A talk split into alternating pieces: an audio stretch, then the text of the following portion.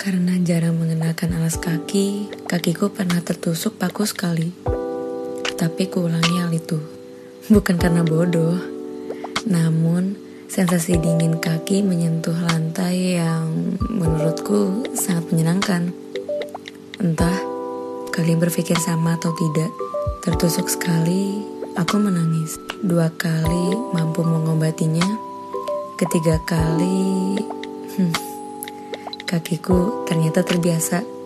Aku paham betul resikonya tanpa alas kaki. Sering kali aku takut. Namun, kembali biasa saja. Apakah aku terlalu menikmatinya atau sudah terbiasa? It could be tomorrow. Don't hold on to sorrow. It'll be okay. You'll find your way through the tidal wave. Pukul 2 malam.